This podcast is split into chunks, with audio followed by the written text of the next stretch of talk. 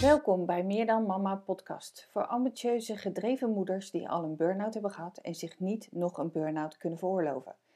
In deze podcast praten wij over mama burn-out, balans tussen ambitie en gezinsleven en de realisatie van jouw droomleven. Mijn naam is Bianca Meijsen en ik ben jouw host, mama ontstresscoach, transformatietrainer en auteur van het boek In 10 stappen jouw droomleven na een burn-out. Ik praat in deze podcast met diverse professionals die vanuit hun eigen expertise en persoonlijke ervaring hun visie delen over de burn-out en hoe hiervan te herstellen.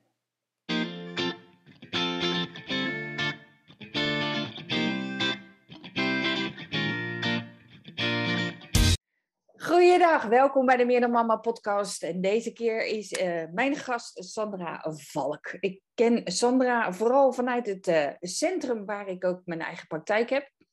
En natuurlijk de prachtige academie die zij uh, leidt met prachtige opleidingen.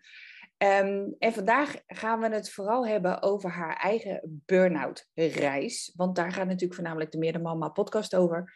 En um, ja, laat ik dus dan ook maar gewoon beginnen bij Sandra. Um, wil je je een klein beetje voorstellen wie je bent en wanneer jouw burn-out was? Hi, nou ja, ik ben dus Sandra en uh, 51 jaar inmiddels. En uh, goh, ja, wat, uh, wat kan ik zeggen over mezelf? ja, dat, dat mijn leven eigenlijk uit ja, twee delen bestaat, zeg maar, waarin ik voor het eerste deel, in het eerste deel eigenlijk voornamelijk ziek was. Dus uh, ja, je zegt burn-out. Nou, had ik natuurlijk net al heel eventjes gezegd van uh, ja, je kunt mijn, mijn um, de onderliggende reden was inderdaad wat wij noemen burn-out. Namelijk dat ik continu mijn grenzen over was gegaan en dergelijke. En ja, op de energie leefde die ik eigenlijk niet had. Maar bij mij waren de uit uh, ook die in, een, in een aandoening, zeg maar. Dus ik ben echt geboren met een behoorlijk eczeem. En eigenlijk, ehm, ja, wanneer kun je echt zeggen, ik heb, ik heb een, echt een groot gedeelte van mijn leven in een ziekenhuis doorgebracht.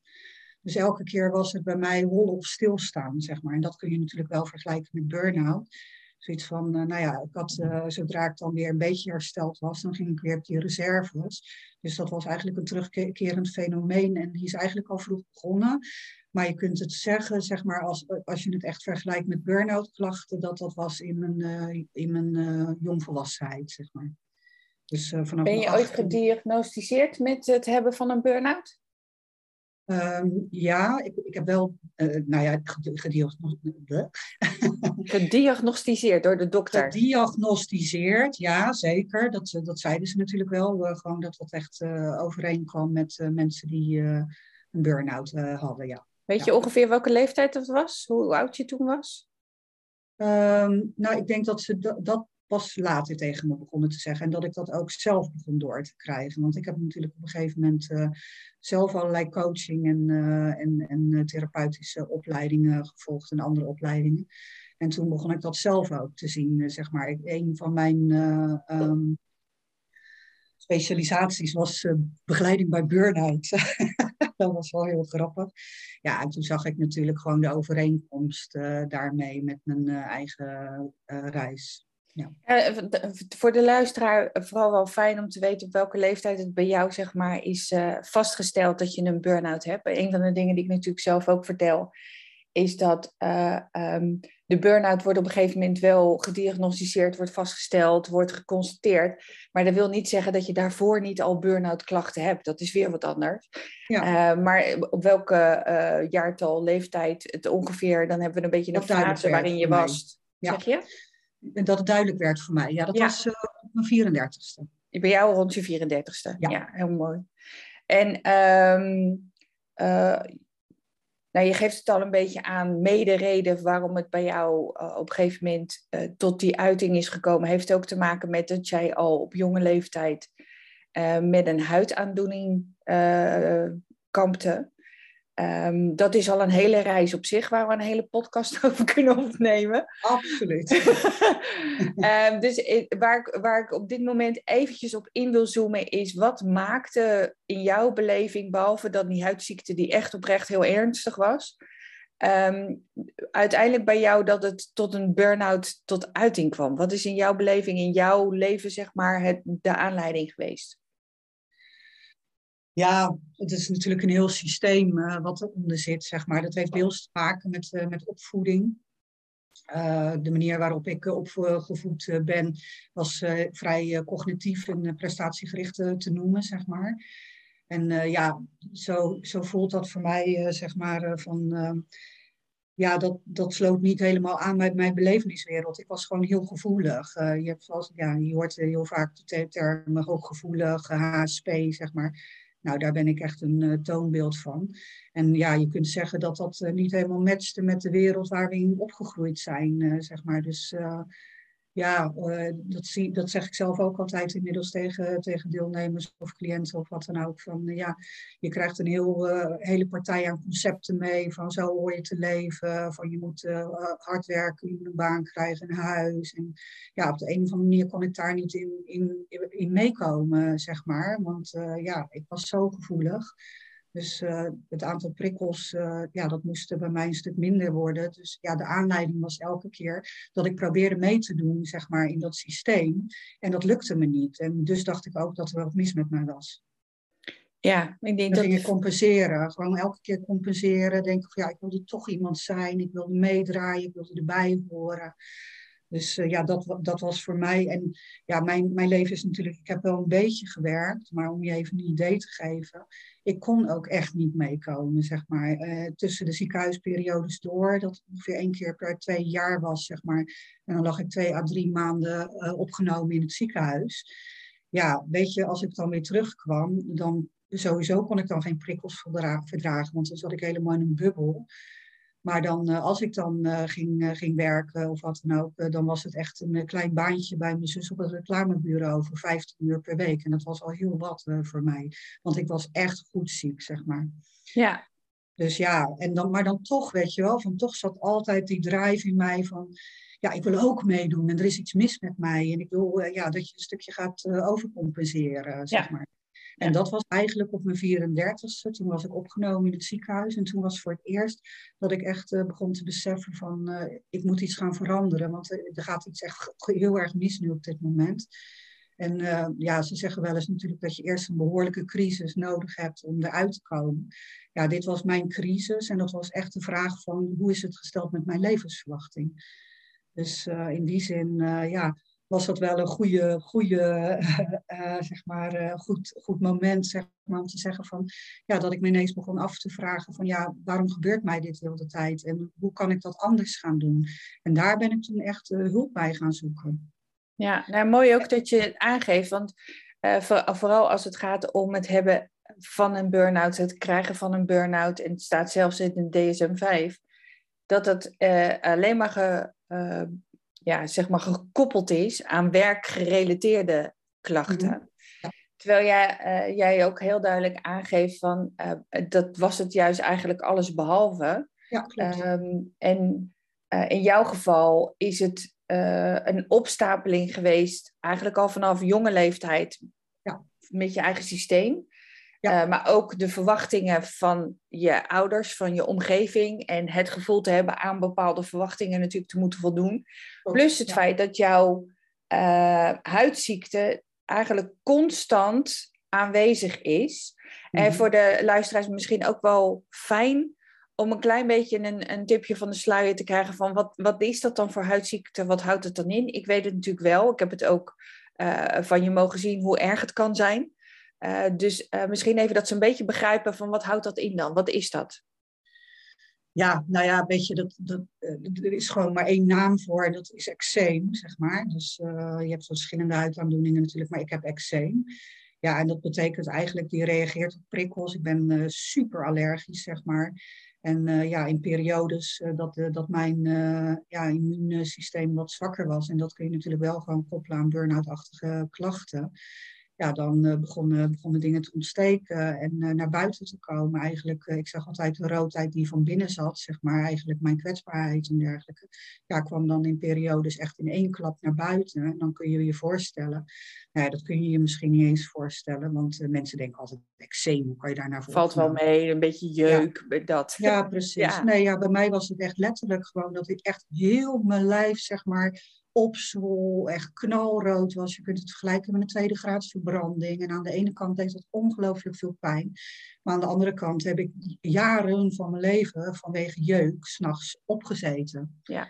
Dus uh, ja, mijn hele dag- en nachtritme was uh, verstoord eigenlijk. Slapen, ja, dat wordt natuurlijk ook wel bij burn-out. Bij mij was dat ook omdat ik gewoon continu echt gigantisch veel jeuk had.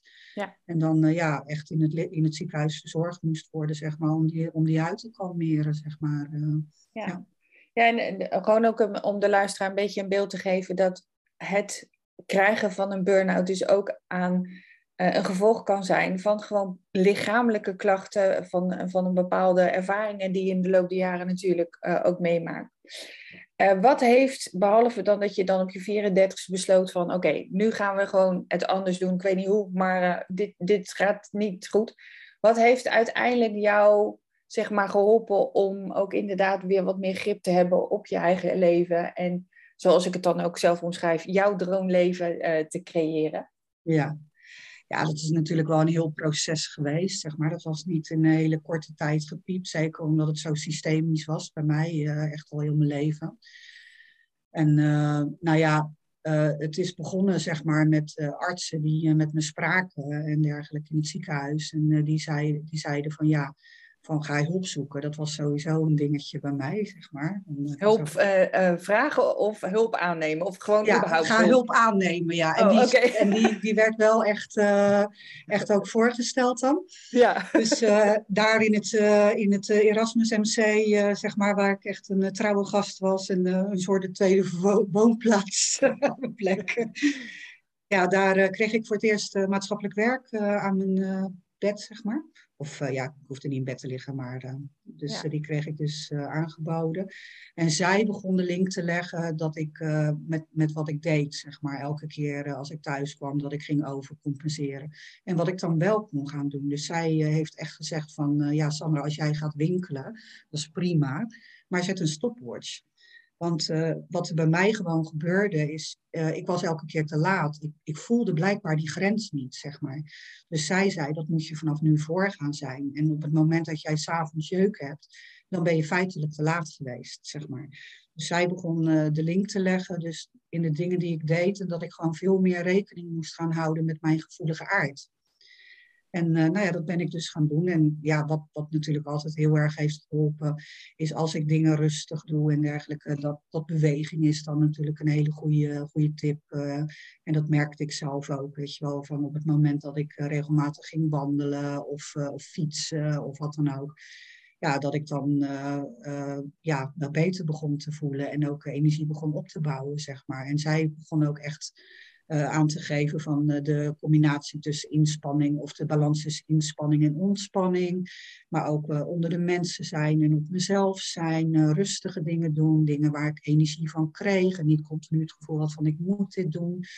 Maar ja, moet je eerlijk wel zeggen, wat, wat bij mij enorm heeft geholpen.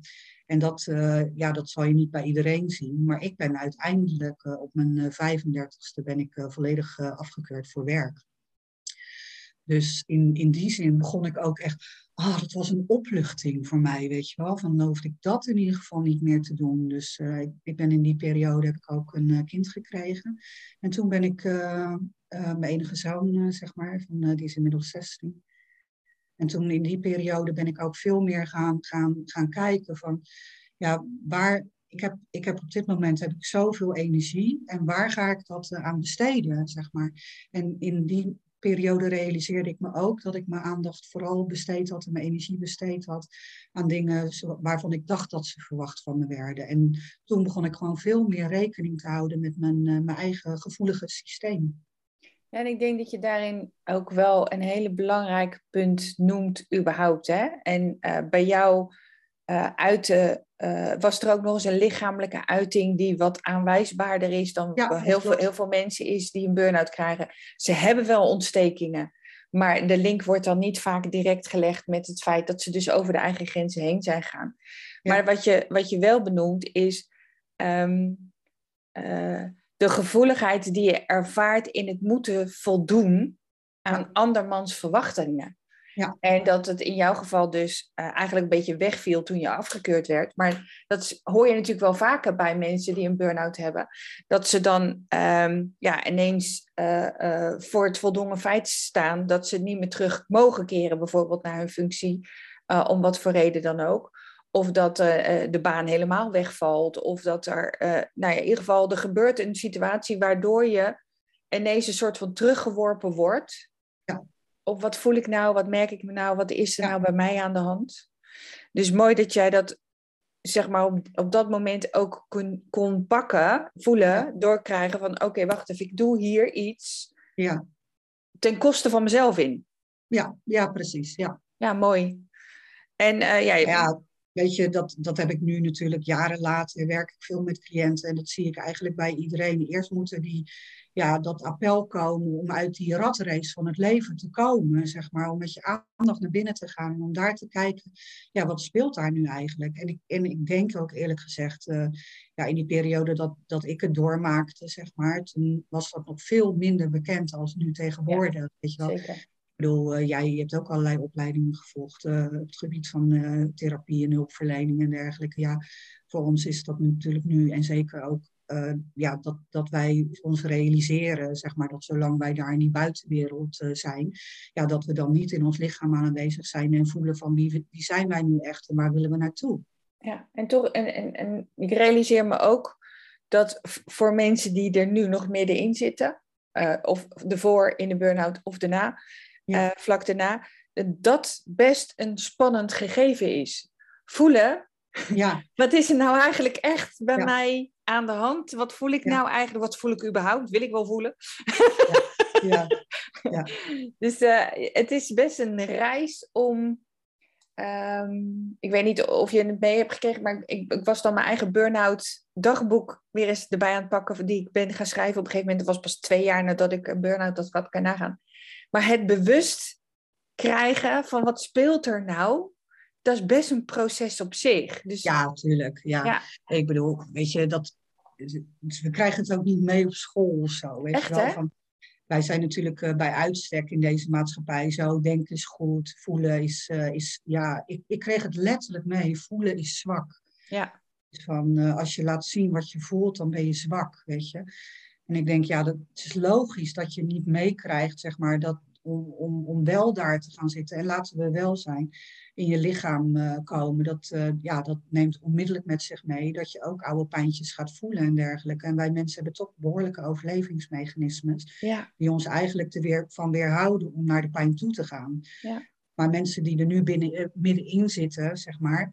Ja, als die mensen bij mij komen of bij jou, en ik neem aan dat jij daar ook, ja, dan gaan we hun onmiddellijk daar naartoe brengen om te zeggen van ja, weet je, uh, die pijn die valt reuze mee met, uh, vergelijk, in vergelijking met wat je nu jezelf de hele tijd aandoet, zeg maar. Dus de oorspronkelijke ervaringen door leven, noem ik dat altijd. Dus van ja, ik heb, uh, dat was voor mij, God dat natuurlijk precies hetzelfde. Ja, ja wij, wij, ik zie dat soms zelfs bij mensen die zeggen, ja, ik heb een goede jeugd gehad, weet je. Van ja, dat is ook lijkt ook, ook zo, weet je wel. En ik zal dat ook niet uh, ontkennen dan. Maar wij hebben allemaal wel ergens dingen meegekregen dat we het gevoel kregen van, goh, ik ben niet goed genoeg of wat dan ook. En het is helemaal niet zo uh, pijnlijk eigenlijk om daar naartoe te gaan.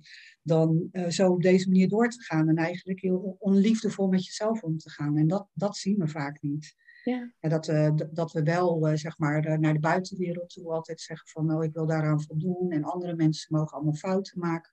Maar er lijkt een soort programma in heel veel van ons te leven, zeg maar. Die zegt van, ja, we moeten ergens aan voldoen, anders zijn we niet goed genoeg. En dat, uh, dat mag wat mij betreft de komende jaren er echt helemaal uit komen, zeg maar. Dus ja. ja, dat stukje zelfliefde, weet je wel. Van wij, ook zelfliefde, en dat hebben we allemaal meegekregen ja, dat is uh, verbonden aan allemaal voorwaarden eigenlijk. Uh, en dat is geen onvoorwaardelijke zelfliefde. Nee, precies. Ja, en, en eigenlijk um, even een stukje fast forward. Heeft die reis, uh, zowel met je huidziekte, maar zeker ook de burn-out ervaringen, en dan dat, dat ja, zoals ik het dat dan zelf dan noem, dat wake-up moment, wake-up call moment op je 34ste, en mede toe bijgedragen dat je nu uh, het leven eigenlijk leeft. Ja. Waar je, ja, zoals ik het dan zeg, van gedroomd hebt. Maar in ieder geval waar je heel gelukkig en heel blij in voelt. Klopt hè? Ja, ja dat klopt, ja. ja. Uh, wil je daar iets over vertellen?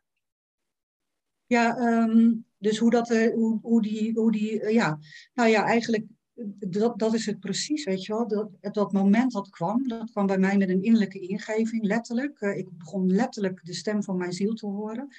En die zei van, joh, als je daarheen gaat, ja, dan is dit het resultaat en tijd voor verandering. En daar is een positief, daar is het licht van, aan het einde van de tunnel. en ja, Natuurlijk eh, heb ik dat niet altijd zo ervaren, maar ik weet wel dat op het moment dat ik inderdaad tot rust begon te komen en ehm, eh, ook uh, mede omdat ik dus niet meer hoefde te werken, toen ben ik allemaal opleidingen gaan volgen eigenlijk. Op het, ik ben begonnen als counselor en coach. En als daarna intuïtieve ontwikkeling, healing, reading, therapeutie, een, een alternatieve therapeutenopleiding. En in die jaren ja, had ik eigenlijk gewoon van, ja, dat was alsof ik in een snoepjesfabriek uh, beland was. Leuk hè?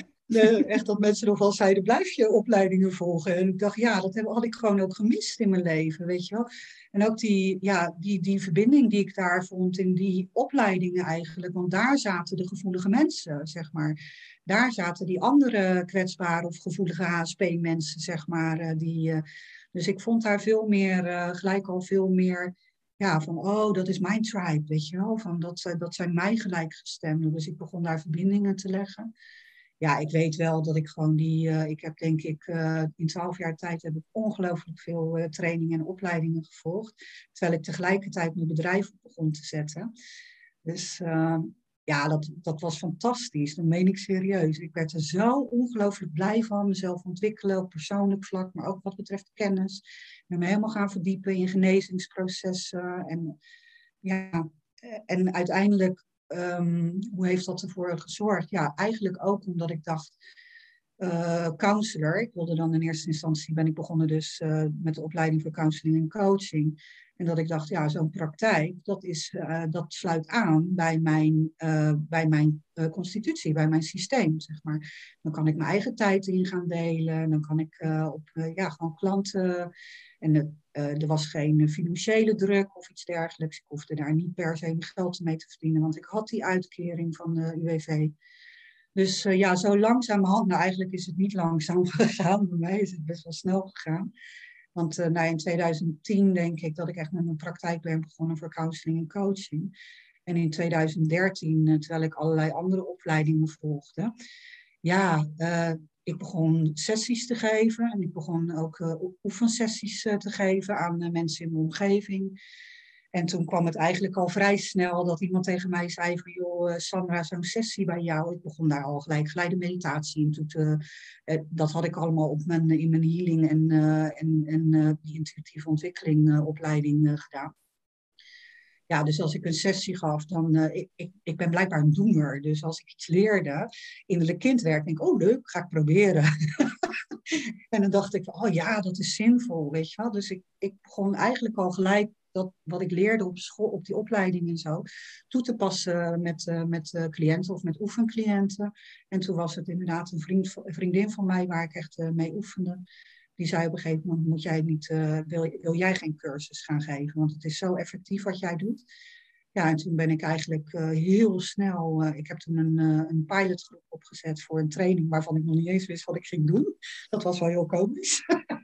Dat was de eerste training die ik gaf. En daar kreeg ik tien aanmeldingen voor toen via de mail. Dus uh, toen raakte ik in paniek, dat wel. dus oh jee.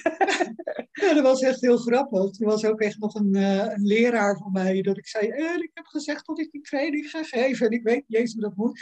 En toen zei hij, ach Sandra, kom, pak even dat innerlijk kind erbij van jou, zeg maar. En uh, zeg maar even tegen haar uh, van, uh, je hoeft niet bang te zijn hoor, van ik kan dat. En we gaan allemaal leuke nieuwe dingen doen. dus, oh, fijn ook dan zo'n trainer dan ook zo daar mooi op reageert. Ja. ja. precies. Dus ja, en weet je, dat heb ik ook gemerkt over je droomleven leiden. Dus, het is even een uit, uit, ik weet dat ik veel praat. Geef niet. Maar um, ja, je droomleven leiden, daar moet je door je comfortzone heen, eh, zeg maar. Dus buiten je comfortzone. Ja. Van het is niet zo van dat je, weet je, wij mensen kunnen allemaal denken van, oh leuk, ga ik een praktijk beginnen, ga ik een, uh, een trainingscentrum beginnen of wat dan ook. Maar ja, de eerste keer dat ik dat deed, man, ik ging dood. Ja, ja, ja. en toch heb ik het gedaan. En ja, geleidelijk aan merkte ik, zeg maar, op het moment dat ik dat deed. Ja, en dat is, dat is een. ehm, ja, dat is een signaal, dat kan ik niet, eh, niet eh, uitleggen of wat dan ook. Maar ik voelde op het moment dat ik meditaties begon te geven en trainingen begon te geven op het gebied van zelfontwikkeling en intuïtieve ontwikkeling, ja, dat, dat ik daar deed waar ik hiervoor gekomen was. Zeg maar. ja precies. Ja, dat, dat is echt een gevoel. Van dat je ineens voelt dat, je in je, dat dit is wat je hoogste potentie is. Zeg maar. Ja. En ja, dat ben ik gaan doen eigenlijk. In een hele korte tijd eh, ben ik dat gaan volgen. En ik zag ook, het liep ook gelijk, weet je wel, vanaf het begin af aan. Dat zijn ook van die Zegt ook al genoeg, hè? Echt, eh, het maakte niet uit wat ik deed. Ik, had een, ik begon hier in een kamertje in het eh, gebouw waar ik woon. Daarna kreeg ik een bedrijfsruimte van 33 vierkante meter waar ik trainingen ging geven. En eigenlijk al vrij snel groeide ik uit mijn voegen. Ja. En eh, ben ik, eh, eh, toen heb ik de ruimte van de buren ermee bij betrokken, zeg maar. De buurman ging weg. Was ook zo grappig. Ik dacht, oh, die ruimte wil ik. En ik zat hem al helemaal in te richten.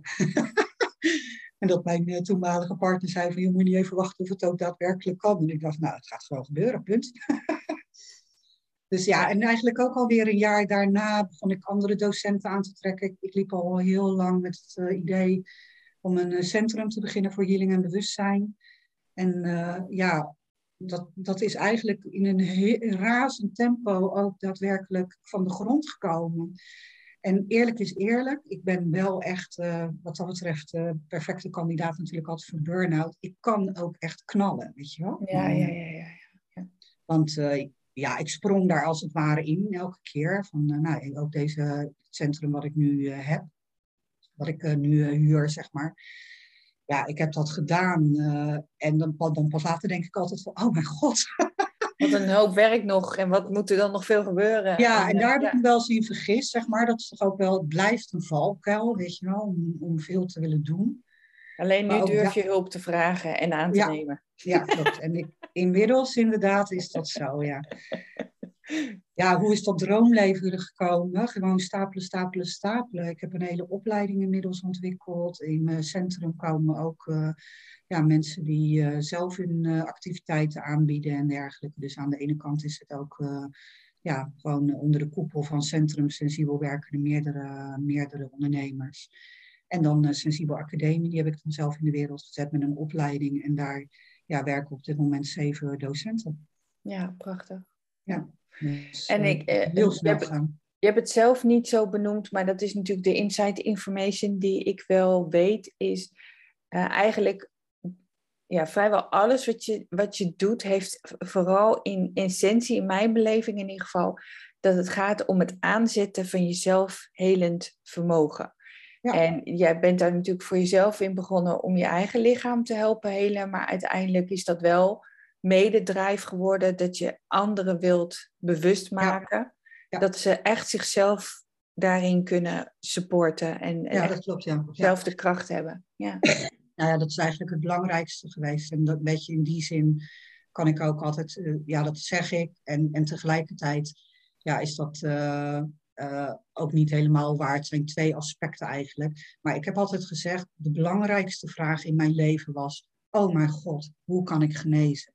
Dat was zo belangrijk voor me. En ja, zo werkt het leven ook, weet je wel. En dan, Ja. dan eh, jij stelt vragen, die gooi je het universum in en daar krijg je antwoorden op. En dat is de zoektocht, zeg ik altijd, naar wie we werkelijk zijn. Ja. Maar dat zelfhelend vermogen, ja, dat heeft echt, eh, dat heb ik natuurlijk zelf eh, ontdekt. Dat heeft alles te maken met heel liefdevol naar alles kijken wat er is, zeg maar. Ja. En eigenlijk ehm, achteraf gezien, dat vind ik nog wel de mooiste ontdekking. En dat is echt pas een eh, jaar geleden echt helemaal tot me doorgedrongen. Want je hebt gelijk, ik wilde op een gegeven moment eh, eerst weten hoe ik mezelf kon genezen. En eh, ja, daarmee, door ook anderen te helpen, genees je jezelf ook natuurlijk. Maar mijn wens is natuurlijk om dat over te brengen. Om die weg die ik heb afgelegd in 51 jaar gewoon wat te kunnen verkorten. Zeg Ja. maar. Eh, om Ja. mensen ja, eh, mijn eh, expertise, mijn ervaring, mijn kennis over te kunnen dragen. En dan, dan gaat het inderdaad erover van de belangrijkste op belangrijkste in, het belangrijkste inzicht wat ik het afgelopen jaar heb uh, ontdekt eigenlijk, is uh, ja, dat wij het ziekte noemen, maar dat het eigenlijk geen ziekte is. Dat uh, eigenlijk ons systeem precies aangeeft zeg maar, waar wij ergens van onze ware zelf vandaan zijn gegaan. Zeg maar. Dus als wij echt wat wij niet hebben geleerd is om heel liefdevol te kijken naar alles wat er is, om alles te doorleven, alles te ervaren. En dat zijn we eigenlijk een beetje afgeleerd in deze maatschappij. Juist om het echt allemaal te ervaren en er liefdevol naar te kijken. En om die enorme druk die wij onszelf opleggen, eraf te halen. Want dan kan het ontstaan. Maar het is geen ziekte. Want eigenlijk, nou, ik, ik zag het in mijn, in mijn lichaam terug. Eh, in mijn huid, uh, zeg maar. Maar mensen met een burn-out, die zullen vermoeid zijn. Of die krijgen gewrichtsklachten, slaapproblemen, hoofdpijn, dat soort dingen. Spierklachten. Maar eigenlijk zegt het lichaam niet van, oh, van, weet, weet je, wij willen daar gelijk vanaf. Uh, ziek zijn, willen we niet. Maar eigenlijk zegt het lichaam van, kijk naar mij, weet je wel. Van, het is een, een, een appel om naar binnen te gaan. En om te kijken zo van, ja, waarom doet mijn lichaam dat? Uh, wij zeggen wel van, ja, mijn lichaam heeft mij in de steek gelaten. En ik zeg je, het is andersom. We hebben ons lichaam in de steek gelaten. Ja. We hebben niet geluisterd naar die uh, intrinsieke signalen die zeggen van uh, dit wil jij niet of dit wil je wel, maar dat doe je niet, want je houdt de hele tijd rekening met anderen of met iets anders. Ja.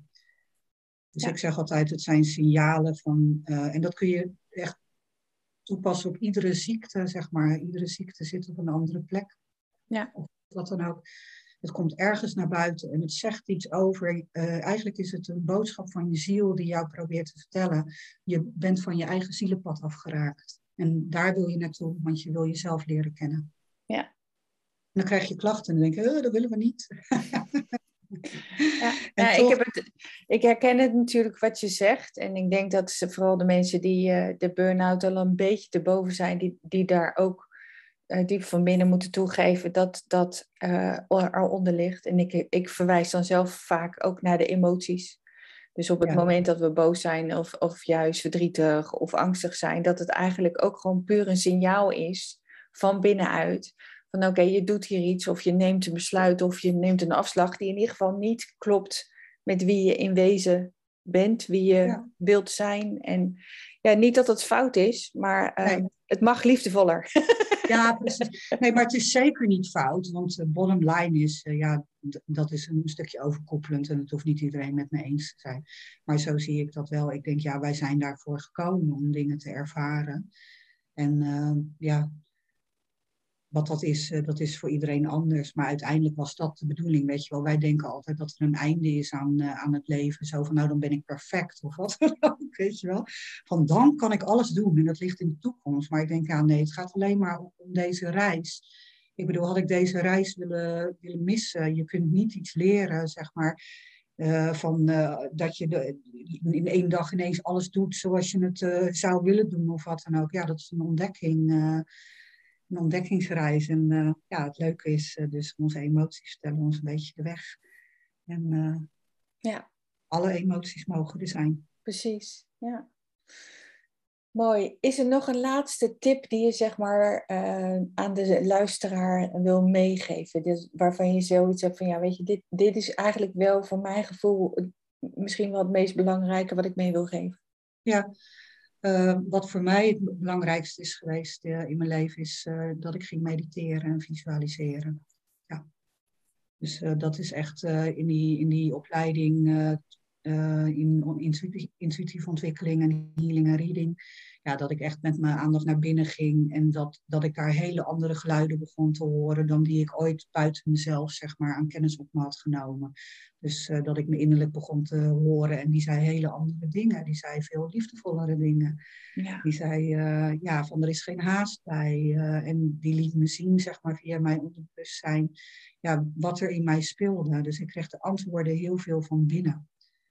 Dus ja, ik kan zeggen dat ik zelf allemaal opleiding heb gevolgd, maar de helft uh, van de informatie uh, die ik uh, tot me heb genomen, waarmee ik nu zeg maar mezelf heb genezen, ja, dat, dat is eigenlijk van binnen gekomen, zeg maar. Ja, dus ik zeg altijd, wij zijn allemaal aangekoppeld op dat grotere geheel en ook onze, onze ja, zielendelen, zeg maar, noem ik het maar. En die, die kunnen je ook de weg wijzen. Dus, uh, en daar zou ik naar op zoek gaan. Zeg maar. Als je echt op zoek wilt gaan naar wie je bent en wat je hier komt doen, ga dan mediteren. Is het uh, niet begeleid of online heb je ook heel veel meditaties of in een cursus of wat dan ook. Maar ik, ja, ik zou mensen meegeven van, ik heb het zelf gedaan. Ik ben eerst helemaal in mezelf gedoken. Ik heb ieder traumaatje wat ergens te vinden was, ja, dat heb ik doorleefd en dergelijke. Maar ehm, ja, het begon echt uh, dat ik in, in groepsverband ook allemaal cursussen begon te doen om te gaan kijken van ja, wat speelt er in mij? Ja. En dat geeft echt ook heel veel ja, bevrediging en voldoening. Veel meer dan het hebben van een goede baan of dan van, van het hebben van geld of status of wat dan ook. Maar als je het is meer een voortvoedsel uit dan in plaats van het doel. Zeg maar. Ja, precies. Dan, dan kom je echt, uh, als je echt bij jezelf komt en er komt een bepaalde vrede. Want ik zeg altijd, iedereen heeft het in zich, zeg maar, die stilte, die vrede, die liefde, die vrijheid. Dat we echt ontdekken wie we zelf uh, zijn. Ja. En waar we toe in staat zijn eigenlijk. Ja. Dat dat niet zo beperkt is dat we denken. Ja, Mooi. dat zou ik iedereen aanraden. Ga op zoek naar jezelf. Ga, ga, ga dat proces aan. En dat, uh, daar, meditatie kan je daar ongelooflijk goed bij helpen. Mooi. Nou, lijkt me ook een mooie om, uh, om ermee af te sluiten. Ja. Um, ik zal zoals gewoonlijk weer ook de informatie delen waar ze jouw uh, visie en zeker ook jouw academie kunnen vinden natuurlijk. Mochten ze de luisteraar zoiets hebben van dit sluit wel aan bij hoe ik in het leven sta of wil staan. Um, kijk gerust ook eens naar de opleidingen en de ja, bijeenkomsten die vanuit uh, Sensibel aangeboden worden. Sandra, super bedankt voor jouw uh, bijdrage aan deze Meer dan Mama podcast. Ja, jij bedankt. En uh, ik wens uh, de luisteraar in ieder geval een hele fijne dag. Ja, voor mij hetzelfde. En terwijl we dus in gesprek zijn, denken we ineens, oh, wacht eens even, wat nou? Als we het niet alleen bij deze podcast houden en informatie op deze manier delen, maar dat we het ook inhoudelijk maken en met echt praktische tips. Dus ik heb Sandra uitgenodigd voor de Expect a Miracle Masterclass op mijn YouTube-kanaal. Hoe leuk is dit? kan je een klein tipje misschien al lichten wat je, wat je gaat vertellen, Sandra? Ja, nou ja, degene die net uh, hebben geluisterd uh, naar uh, dit interview, zeg maar ja, ik heb natuurlijk mijn hele eigen manier ontdekt, uh, zeg maar, uh, om, om, om bij jezelf te komen, om liefdevol met jezelf om te gaan, om weer te leren energie te genereren en om je droomleven uiteindelijk te gaan, uh, gaan leven. En ja, in die masterclass wil ik daar wel ja, gewoon alvast hele goede tips voor geven. En dan gaan we natuurlijk ook even een oefening doen. Dus dan gaan we geleide meditatie doen. Voor de mensen die dat nog nooit hebben gedaan, maak je geen zorgen. Ik, ik help je. En dan kun je het gewoon ook eens ervaren hoe het is om met je aandacht naar binnen te gaan en om te kijken wat daar speelt, zeg maar. Dus uh, ik ga dan, een, het is een duurt een uurtje ongeveer, hè, die masterclass, uh, inderdaad. Ja. Dus dan zal ik uh, kort wat informatie geven met wat punten waar je op kunt letten, tips en tricks. En een korte geleide meditatie, CPU, visualisatie ervaren. Dus dat gaan we Superleuk. Ja. Nou, ik zal zeker in de outro daar nog wat meer over vertellen. Maar uh, ik wilde dat nog wel eventjes toevoegen aan deze podcast. Nogmaals super bedankt Sandra. En uh, dan spreken we jouw luisteraar graag met veel liefde volgende maand tijdens de Expect a Miracle Masterclass.